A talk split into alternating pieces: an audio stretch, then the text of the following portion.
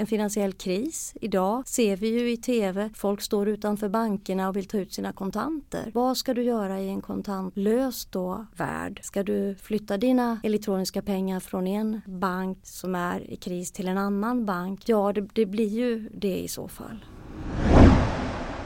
Du lyssnar på Samhällsvetarpodden med mig, Jakob Höglund. Och idag ska vi prata det kontantlösa samhället och den svenska e-kronan.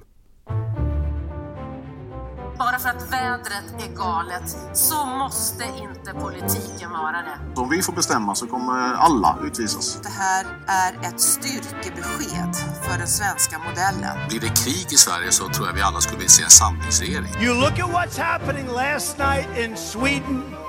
Who would believe this? Sweden! Hej och välkommen till Samhällsvetarpodden som leds av mig, Jakob Höglund, rekryteringsstrateg på Akademikerförbundet SSR. Vår gäst idag är Eva Julin. Eva har arbetat på Utrikesdepartementet och som forskningsassistent vid Göteborgs universitet. Och sedan 1996 har hon arbetat på Riksbanken i olika roller. Idag är hon biträdande avdelningschef på Riksbankens stabsavdelning men också projektledare för Riksbankens e-kroneprojekt. Välkommen Eva! Tack så mycket! Innan vi börjar, förklara för mig, vad gör man som biträdande avdelningschef på stabsavdelningen på Riksbanken? Ja, som biträdande avdelningschef på stabsavdelningen så får man göra rätt mycket olika saker. Eh, våra huvuduppgifter det handlar om juridiska spörsmål. Det handlar om direktionsmöten, fullmäktigemöten, planering för att det ska funka. Eh, vi har också kommunikationsenheten hos oss och en hel del annat. Mycket centralbankeri helt enkelt. För de flesta i allmänheten är eh, Riksbanken mest känd för att lämna ett räntebesked. Påverkar bolån. Men om du skulle beskriva vad Riksbankens roll i Sverige är, hur skulle du eh, förklara det? Riksbanken har ju en roll att värna finansiell stabilitet. Det gör vi på olika sätt, bland annat genom att övervaka och se hur banker och finansiella institut fungerar och hur de sköter sig. Vi bedriver ju också penningpolitik, sätter reporäntan som styr de övriga räntorna i samhället. Det är ju våra huvuduppdrag då enligt lag. Sen har vi också ett väldigt viktigt uppdrag tycker jag och det är ju frågorna kring betalmarknad och betalsystem. Och där ligger ju också då kontanter men också att titta lite framåt på hur kommer det här se ut framöver med kontanter och andra alternativ. Och det leder oss ju in på det vi faktiskt ska diskutera idag. E-kronan och hur det ser ut i Sverige med kontanter och betallösningar. För det är ju faktiskt så att Sveriges Riksbank ligger väldigt, väldigt långt fram när det kommer till en digitalisering. Och det här hörs också från många andra experter utomlands. Själv upplever jag att det kanske inte diskuteras så mycket i allmänheten i Sverige. Och det är väl också därför vi har valt att bjuda in dig här för att prata om e-kronan och vad det faktiskt är. Så min första fråga, det går rakt på, vad är en e-krona? Mm. En e-krona, om jag uttrycker det väldigt basalt och enkelt så, så, skulle jag nog säga att en e-krona det är våran vanliga gamla hederliga krona fast i en ny modern form. Eh, Riksbanken har ju i över 300, ja, ungefär 350 år eh, gett ut sedlar och mynt i olika former. Men det har varit papper och det har varit metall. Och nu tänker vi att det kanske är så här att framöver så ser vi ju att kontantanvändningen och våran eh, vilja att betala med, med de här papperspengarna och, och metallpengarna, den viljan minskar år för år. Och då tänker vi att det kanske är så här att man behöver ta ett steg in i den digitala världen. Och då ska en e-krona vara precis som våra vanliga kronor, en fordran på Riksbanken. En riskfri tillgång brukar vi säga. När du säger eh, fordran på Riksbanken, vad, vad innebär det då? Mm. Tänk så här att dina vanliga pengar, om jag får uttrycka det så, eh, de har du ju ofta på ett konto, eller hur? Ja. De är inte papperslappar i din plånbok längre. Nej. Och då är det faktiskt så här att du har en fordran på din bank. Om en bank skulle gå i konkurs så har du en fordran på den banken, inte på Riksbanken, inte på staten. Men så länge du har papperspengarna i din plånbok, kontanter, då har du faktiskt en fordran på staten. Och det är därför vi kallar den för en riskfri tillgång.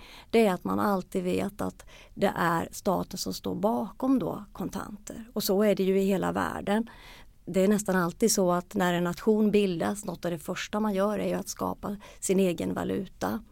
Men det som har hänt nu är ju att de mesta av de pengar vi använder är ju faktiskt digitala och ligger på privata bankkonton. Ja men så är det. Framförallt att man kanske inte har pengar själv längre. Eh, jag vet, jag har en dotter på snart två år. Hon kom hem och var jättenöjd och så visade hon upp att Pippi är på 20 kronor sedeln det hade jag ingen aning om därför jag har knappt sett de nya kontanterna. Och det här tycker jag är väldigt intressant för hur ska vi få det här allmänt accepterat? Att det, det är skillnad på en sedel, siffrorna du har på bankkontot och kanske i framtiden siffrorna som är kopplade till en e-krona. Och hur ska vi förstå den skillnaden som vanliga medborgare? Mm. Det, det kommer att bli en utmaning, självklart. Eh, och det är precis som du säger, ungdomar idag i Sverige de vet inte riktigt hur våra pengar ser ut. Det, det märker vi hela tiden i olika sammanhang. Och Det är inte säkert att det behöver betyda så mycket. Men om vi skulle ge ut en e-krona då har vi ju tänkt att den skulle kunna vara i form av en app. Det skulle kunna vara ett kort, ett, ett vanligt plastkort som de flesta av oss är vana att använda idag. Eh, och då tror vi att det kommer ju också att ha symboler och se ut på olika sätt och man kommer att vänja sig vid då de här e-kronorna. Och man skulle till och med kunna tänka sig att man skulle kunna betala med e-kronor med nya moderna verktyg som klockor och ringar och du har säkert hört att en del företag eh, eh ser till att ha så kallade värdebärare i andra då ja, funktioner än sedlar och mynt. Mm. Och det är den framtiden vi ser framför oss. Och det blir att utbilda samhället, det blir stor informationskampanj förstås om det skulle bli verkligt. Men det är också viktigt att säga att det, ingenting är ju bestämt än utan vi är ju på så att säga både forskningsstadier i de här frågorna och också utredningsstadier. Mm. Innan vi dyker in på kanske detaljerna och och statens roll på betalmarknaden. Så när jag har läst på om det här ämnet har jag bland annat tittat igenom de rapporter som ni lämnar ut. Och där skriver ni bland annat att det finns eh, en risk att eh, kronor och kontanter framförallt inte blir allmänt accepterade av hushåll och handlare. Är vi inte redan där idag? Det finns eh, butiker som säger vi tar inte emot kontanter och inte bara då i en snabbkassa utan i hela butiken. Och så vitt jag vet, det, det är ingen stor grej längre. Mm. Är, är det så att allmänheten redan har gått förbi det stadiet att kontanter inte längre är det man använder? Ja, många skulle nog hålla med dig om det. Eh, vi har ju vad vi brukar säga ett ganska svagt legalt eh, begrepp kring då legalt betalmedel som, som det heter i lagen. Det är faktiskt så här att det enda legala betalningsmedlet som finns i Sverige det är faktiskt den svenska kronan. Men i och med att vi också då kan avtala bort rätten att betala med kontanter och det är precis det butiker idag håller på med så blir ju då statusen på kronan den blir lägre och lägre på det sättet att vi faktiskt börjar vänja oss vid att inte använda kontanter och fler och fler butiker och även en del kedjor är ju idag kontantfria. Och så ser det ju inte ut i många andra länder för där använder man fortfarande kontanter i mycket större omfattning än vad vi gör i Sverige. Eh, och det här kan man ju tycka olika om. Och vi har ju idag en pågående riksbanksutredning som, som tittar på de här frågorna. Och vi kommer också att önska en vidare utredning kring e-kronan och kring frågan om legalt betalmedel. Så vi får väl se vad som händer framöver. Är det negativt att vi inte använder kontanter längre? Och att det, sker i den formen som det är nu? För, för, för mig som handlare är det Jag betalar med kontanter och mitt köp går igenom. Eller jag betalar med mitt kort. Mm. Eller Swish eller någon annan app och mitt köp går igenom. Är, är det så negativt då? Nej, jag, jag, tycker inte alls det är negativt. Den svenska betalmarknaden fungerar väldigt effektivt och eh, den är också hyfsat kostnadseffektiv eh, om man jämför med många andra betalsystem runt om i världen. Så det här är inte någonting fel eller konstigt eller någonting vi på något sätt vill hindra utan vi tycker att det här är en naturlig utveckling. Eh, det vi ser är väl att centralbankens roll förändras och det är det vi gärna vill titta lite närmare på. Vad innebär det för staten och för samhället om det i ett samhälle inte går att använda det enda legala betalningsmedlet på ett effektivt sätt? Och som du säger, handlarna. Vi gjorde en undersökning för några år sedan. Då visade det sig att ungefär 50% av handlarna tror att 2025 kommer de inte att ta emot kontanter längre. Och då är det ganska många. Och vi ser ju också när vi undersöker då bland svenska hushåll att när man betalar så 2010 då var det ungefär 40% som sa att de betalade med kontanter. Men förra året när vi gjorde samma undersökning och ställde samma frågor då var det 13% som sa att de betalar med kontanter. Så det håller ju på att hända massa saker och det är ingenting som vi tycker idag är besvärande eller konstigt utan det här är nytt, modernt, kostnadseffektivt och drivs framförallt av konsumenter. Eh, ibland hör man att det skulle vara drivet av exempelvis banker men det, det, är inte så utan det är nog snarare så att det är vi som vill ha enkla och effektiva betalningar och de elektroniska varianterna är väldigt effektiva. Det här skiljer sig ju väldigt mycket från andra länder. Bara du kollar den nordiska så ligger vi ungefär likadant men kollar du ut i Europa så är det jättestor skillnad i kontantanvändningen. Kan det vara så att vi svenskar har mycket större tillit till våra system och därför känner oss tryggare med att inte ha kontant, kontanter i händerna utan bara betalar med kort och tar för givet att det ska funka? Eh, ja, jag skulle säga att ja, så är det nog. Mm, I alla fall när vi pratar med andra kollegor utanför Norden så brukar de just säga det att i Sverige har ni en så otroligt stor tilltro till staten, till myndigheter men också då till banksystemet. Och så är det inte överallt. Och väldigt många, särskilt utvecklingsländer, när de tittar på de här frågorna med digitala alternativ till kontanter, då tänker de ju att de ska minska den svarta ekonomin.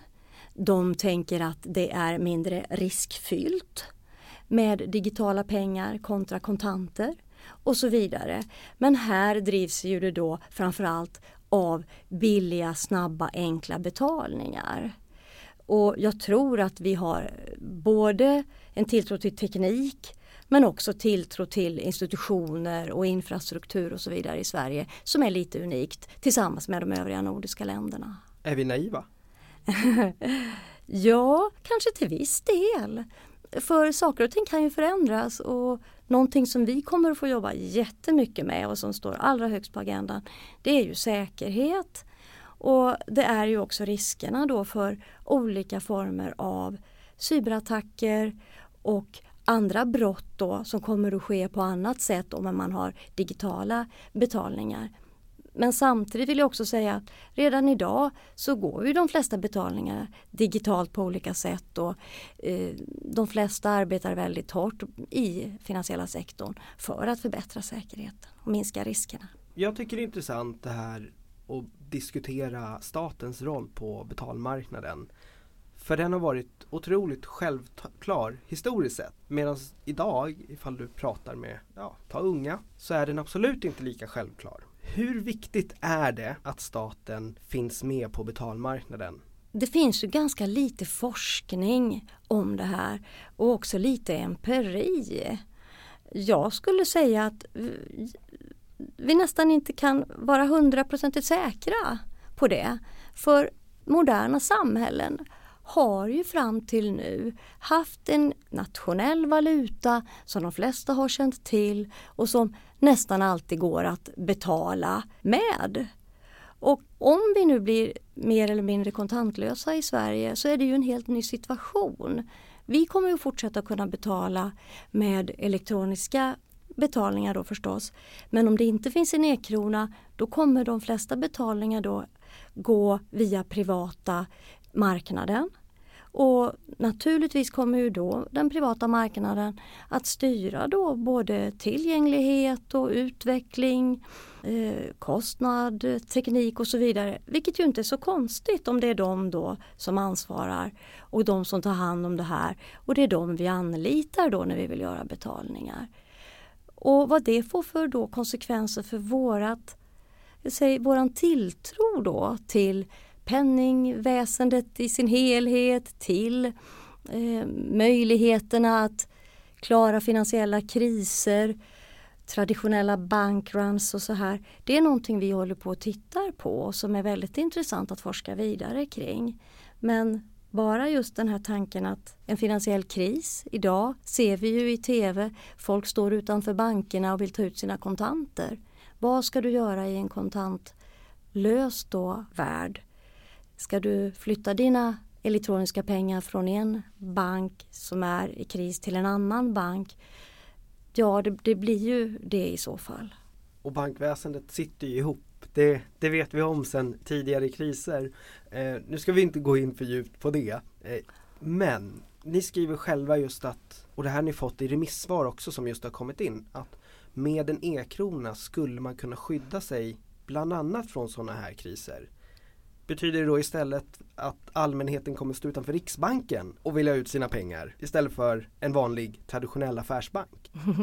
Ja, eh, det beror ju då på vad du menar med att de står utanför Riksbanken och vill ha ut sina pengar. För som vi ser det, då har de ju sina digitala pengar.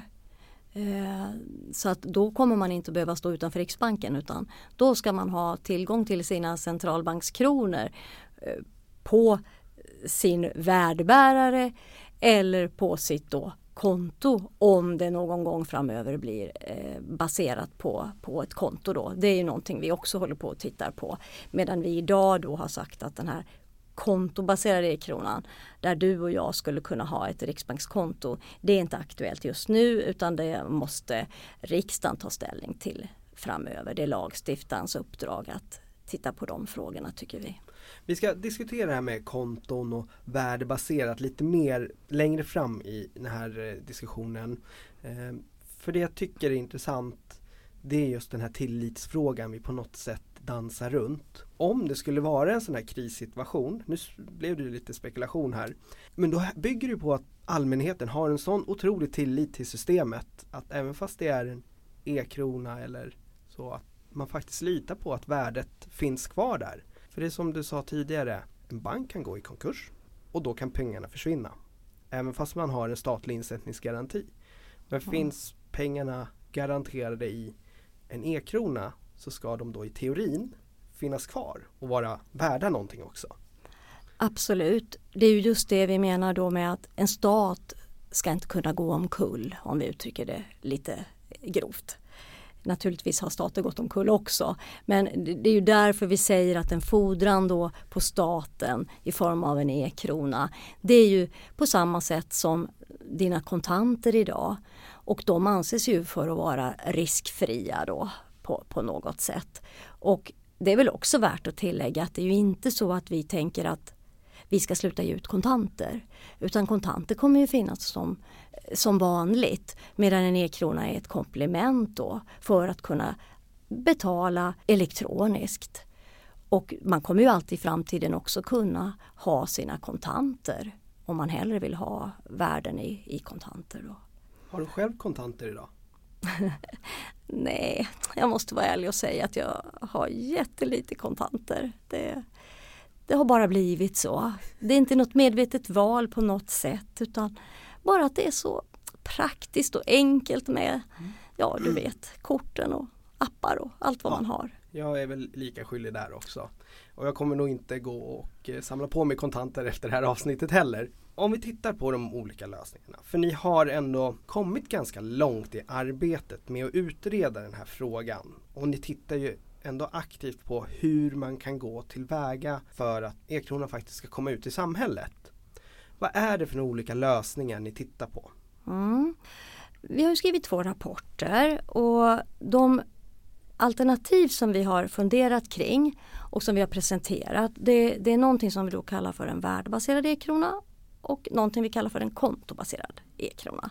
Den värdebaserade e-kronan skulle kunna liknas vid att du har ett register där du har värden nedtecknade. Det här registret eller kryptoteknik eller hur du vill formulera det kan finnas då placerat på ett kort eller på en ring eller någon annanstans. Det är därför vi kallar det för värdebärare, du har någonting som bär värdet. Och Det tycker vi är väldigt likt en kontant. Det är ju faktiskt så att det är den här papperslappen då som är värdebäraren. Och den innehåller massa säkerhetsdetaljer och massa annat då så, som gör att du ser att ah, den här utgivna av Sveriges Riksbank och jag, jag litar på att den här har ett värde. På samma sätt skulle vi kunna då utforma en, en e-krona.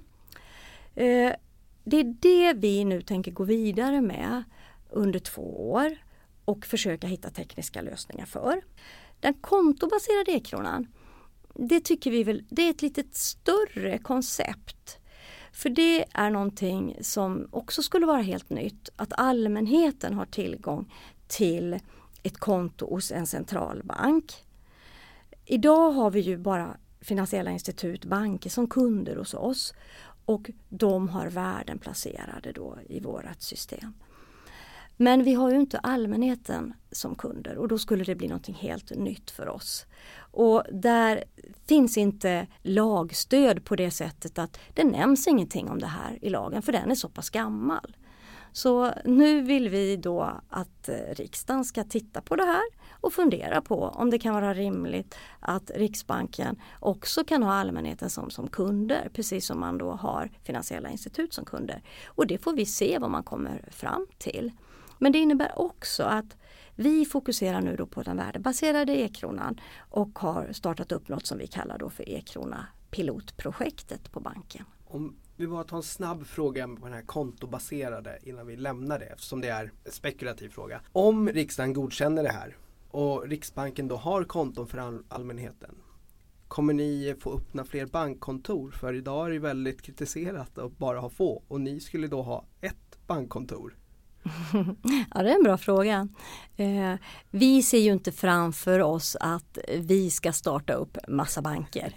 Utan vårat mål är ju att vi ger ut e-kronor och vi också tar emot uttjänta e-kronor om man får uttrycka det så, precis som vi gör med, med, med sedlar idag. Vi har ju bara ett kontor där vi lämnar ut kontanter till aktörer som sen distribuerar vidare kontanterna. Och sen kommer de till oss när de vill då förstöra kontanterna för att de är gamla och utslitna.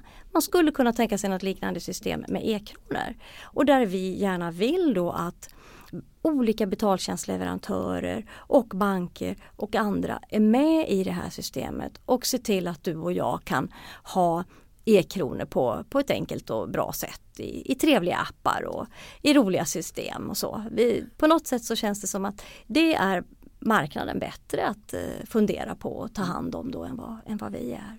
Nej, det var ändå ett väldigt seriöst svar på en kanske oseriös eh, fråga.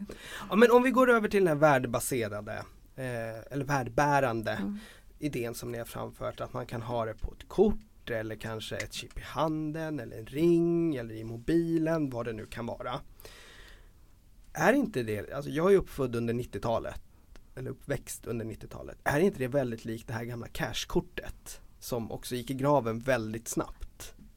Ja, vi, vi, vi får verkligen akta oss för att inte upprepa den typen av fel, säg så då. Eh, jag tror att det här cashcardet, en av anledningarna till att det inte blev en succé var nog att det var lite omständigt. Handlarna var tvungna att ha speciella terminaler eh, och då var du också själv tvungen att ha lite speciella arrangemang och så vidare. Och när du stod där i butiken och så funkade inte ditt cashcard, ja men då blev du lite irriterad och sen till slut så orkade du inte använda det längre. Och därför tror jag det är jätteviktigt och det är jag på något sätt för en e-krona att den måste också fungera i den vanliga infrastrukturen på något bra sätt. Så att det ska vara lika enkelt att använda de här värdebaserade e-kronorna som att använda ett vanligt Visa eller Mastercard eller någonting annat som du använder idag. Så, så vi naturligtvis bevakar vi den problematiken. Mm. Eh. Det här är ju ändå intressant. Ja, ni har lärt er av tidigare fel och brister som har gjort men också att ni har ju en annan roll. Eh, nu har vi tagit fram Cashguardet här som ett exempel. Men det var ju ändå en betallösning som kom från privata aktörer. Här kommer ändå Riksbanken in och ni har pratat, du har inte sagt det här i podden, men ni pratar i alla fall text om det, om neutrala betalplattformar. Och det kanske är den stora skillnaden här, att det här handlar väl om att ni ska skapa förutsättningar för att allmänheten ska kunna handla på ett tryggt och säkert sätt. Om jag förstår det rätt så är det det det hela tiden handlar om när vi kommer tillbaka till den här frågan. Kontanter finns inte på samma sätt idag som förut. Men vi vill att det ska finnas en säkerhet i systemet. Därför att pengarna vi har på kontona hos banken idag är inte direkt kopplade till Riksbanken och därför inte är helt garanterade. Även fast det finns eh, insättningsgarantier. Kort sammanfattning som Ja. inte slutade i en fråga. Nej men jag tycker att det är en väldigt, väldigt bra beskrivning. Eh, det är precis som du säger. Det, det här handlar om att skapa någonting som ger samma trygghet och säkerhet som kontanter har gjort här nu i nästan 350 år. Och jag tänker också att e-kronor kan också säkra att grupper i samhället eh, vi brukar prata om utsatta grupper och det kan, det kan vara allting från små barn som vill ham- handla framöver men som eh, kanske inte kan ha kort och turister som kommer hit och som inte heller kanske då har kort. Hur ska vi göra eh, i den situationen? Jo, men en e-krona kan vara ett basutbud också. Ett enkelt och smidigt och effektivt basutbud av då eh, någon typ av betalform. Och, och det tror jag en riksbank då har, har större kanske förutsättningar att ta hand om. För det är kanske inte de första grupperna som de privata aktörerna tänker på. Så att jag tror att vi har en roll där också. Det finns ju olika intressen av naturliga skäl. Eh, så är det ju. Vi har pratat om ändå vad jag upplever väldigt mycket positiva effekter utav en e-krona och vad det skulle innebära och varför ni tänker på det. Men det finns ju en kritik också eh, mot e-kronan. Om du skulle få beskriva den kritiken själv, vad, det kommer från flera olika håll, men vad, vad är kritiken mot e-kronan? Mm. Det jag tycker man under de här två åren då drygt som vi har jobbat med den här frågan. Det jag tycker ofta återkommer det är en slags rädsla då framförallt från finansiella sektorn att Riksbanken skulle dränera banksystemet från det som kallas inlåning. Det vill säga att du och jag, vi skulle inte sätta våra pengar på bankkonton längre utan vi skulle föredra att ha dem då på ett riksbankskonto. För det är också viktigt att säga att det är framförallt den kontobaserade e-kronan som vi tycker att man får eh, störst kritik kring. Och jag tror att det kanske är något överdrivet. För jag tror att vi är så vana vid, vid bankerna, vid den service bankerna ger oss. Vi har personliga bankmän, vi, vi har huslån, vi har andra delar som vi också kommunicerar och arbetar med våra banker kring. Och då räcker det inte riktigt för att det ska vara så intressant att du flyttar allting från din ditt bankkonto över till centralbankskontot som kommer att vara ganska tråkigt och trist och eh, förmodligen inte ens generera en ränta, det är ju det vi har sagt initialt. Utan man ska se Minusränta. Ja men minusränta, eller hur? Nej, men då tror jag ändå att eh, det är det är lite för stora farhågor. Jag tror inte vi väljer att överge bankerna och sätta in allting eh, på centralbanken. Jag, jag tror inte det. Inte i normala tider ska jag säga. Det finns annan kritik också och det här är ju mer ur ett ideologiskt kri- kritik mot eh, eh, central, eller Riksbanken. Och det är att okej, här kommer Riksbanken, statens långa arm sträcker sig in nu så de kan se vilka mynt du har i din plånbok. E-kronan gör så att vi inte har någon frihet längre. Stämmer det? Kommer, om vi tittar på det realistiska scenariot som ni har framför er, kommer staten kunna se vad jag har för några pengar i detalj. Nej, det är ju inte alls så vi, vi, vi tänker. Och, och, det är som du säger, eh, många kan ha farhågor att då staten då skulle få en större makt på något sätt eh, och att man skulle förlora integritet, anonymitet och så vidare. Men det är bara att säga så här att idag så har vi ju regelverk som styr då din anonymitet och integritet på dina bankkonton. Vi skulle ju lyda under samma regelverksstruktur. Vi skulle absolut inte använda eh, den här informationen som då naturligtvis finns till att skicka ut reklam eller annat som, som vissa brukar säga.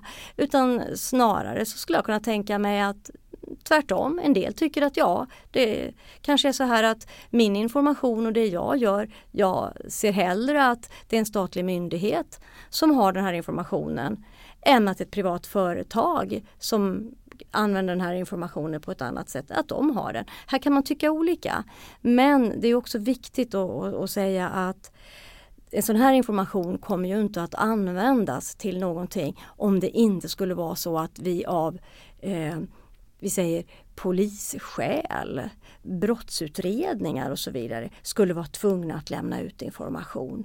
Men annars så skulle det ju inte vara så att vi följer individer, självfallet inte. Skulle en e-krona i teorin kunna motverka penningtvätt? Det är väldigt aktuellt för tillfället utan att gå in på detaljer. Ja, det, jag tycker det, det, det, är svårt att uttala sig om. Men det är ju viktigt att Riksbanken kommer naturligtvis inte att eh, främja eller underlätta anonymitet så att penningtvätt skulle bli enklare. Det är också därför vi pratar om begränsningar i den här värdebaserade e-kronan. Eh, är man anonym ska man inte kunna ha stora belopp på sina värdebärare. Eh, det, det, det, känns viktigt och här är ju på samma sätt internationella regelverk som styr och eh, mm. oerhört viktigt tycker vi. Så tillit, det kommer hela tiden tillbaka till det. Man måste lita på systemet och Riksbanken och det är uppenbarligen vi svenskar väldigt bra på än så länge. Ja, jo men helt rätt. Tillit är viktigt och vi har haft och har fortfarande stor tillit till kontanter och till det betalningssystem vi har. Nu handlar väl det mer om att gå in i en kanske ny och modernare fas då i den här spännande historien kring betalningar som har utvecklats från snäckor och stenar och kopparmynt och fram då till eh, nollor och ettor digitalt. Mm. Vår tid börjar ta slut. Eh, jag har en avslutande fråga. Du var med på en konferens i slutet av 2017. Ni tänker det här. Och då sa du att eh, som tidigast slutet av 2019 så skulle vi ha en operativ implementeringsfas. Står du fortfarande kvar vid det uttalandet att i slutet på 2019 då, då börjar vi implementera e-kronan? Nej, implementera skulle jag absolut inte säga att vi skulle ha en chans att göra. Och jag känner inte igen citatet men det är en annan historia. Det vi gör nu är att vi jobbar mer operativt. Vi, försöker, vi ska försöka hitta tekniska lösningar för den här värdebärande e-kronan. Vi kommer att gå ut i upphandling och få hjälp av eh, tekniska leverantörer. Vi kommer att jobba ett par år med att utveckla den här e-kronan. Men sen efter det, då kommer det ju en operativ implementeringsfas om då eh, framtida direktioner beslutar sig för att införa en, en e-krona. Så det är lång väg att vandra. Vi har kommit långt men det är fortfarande en lång väg att gå. Tack så jättemycket Eva med, eh, för det. Eh, det var allt från Samhällsvetarpodden för idag. Eh, Samhällsvetarpodden görs varannan vecka och fångar upp stora samhällspolitiska frågor, helst med en facklig twist. Prenumerera gärna på oss på de ställen där du brukar hitta dina podcasts. Samhällsvetarpodden görs av Akademikerförbundet SSR, Sveriges ledande samhällsvetarförbund.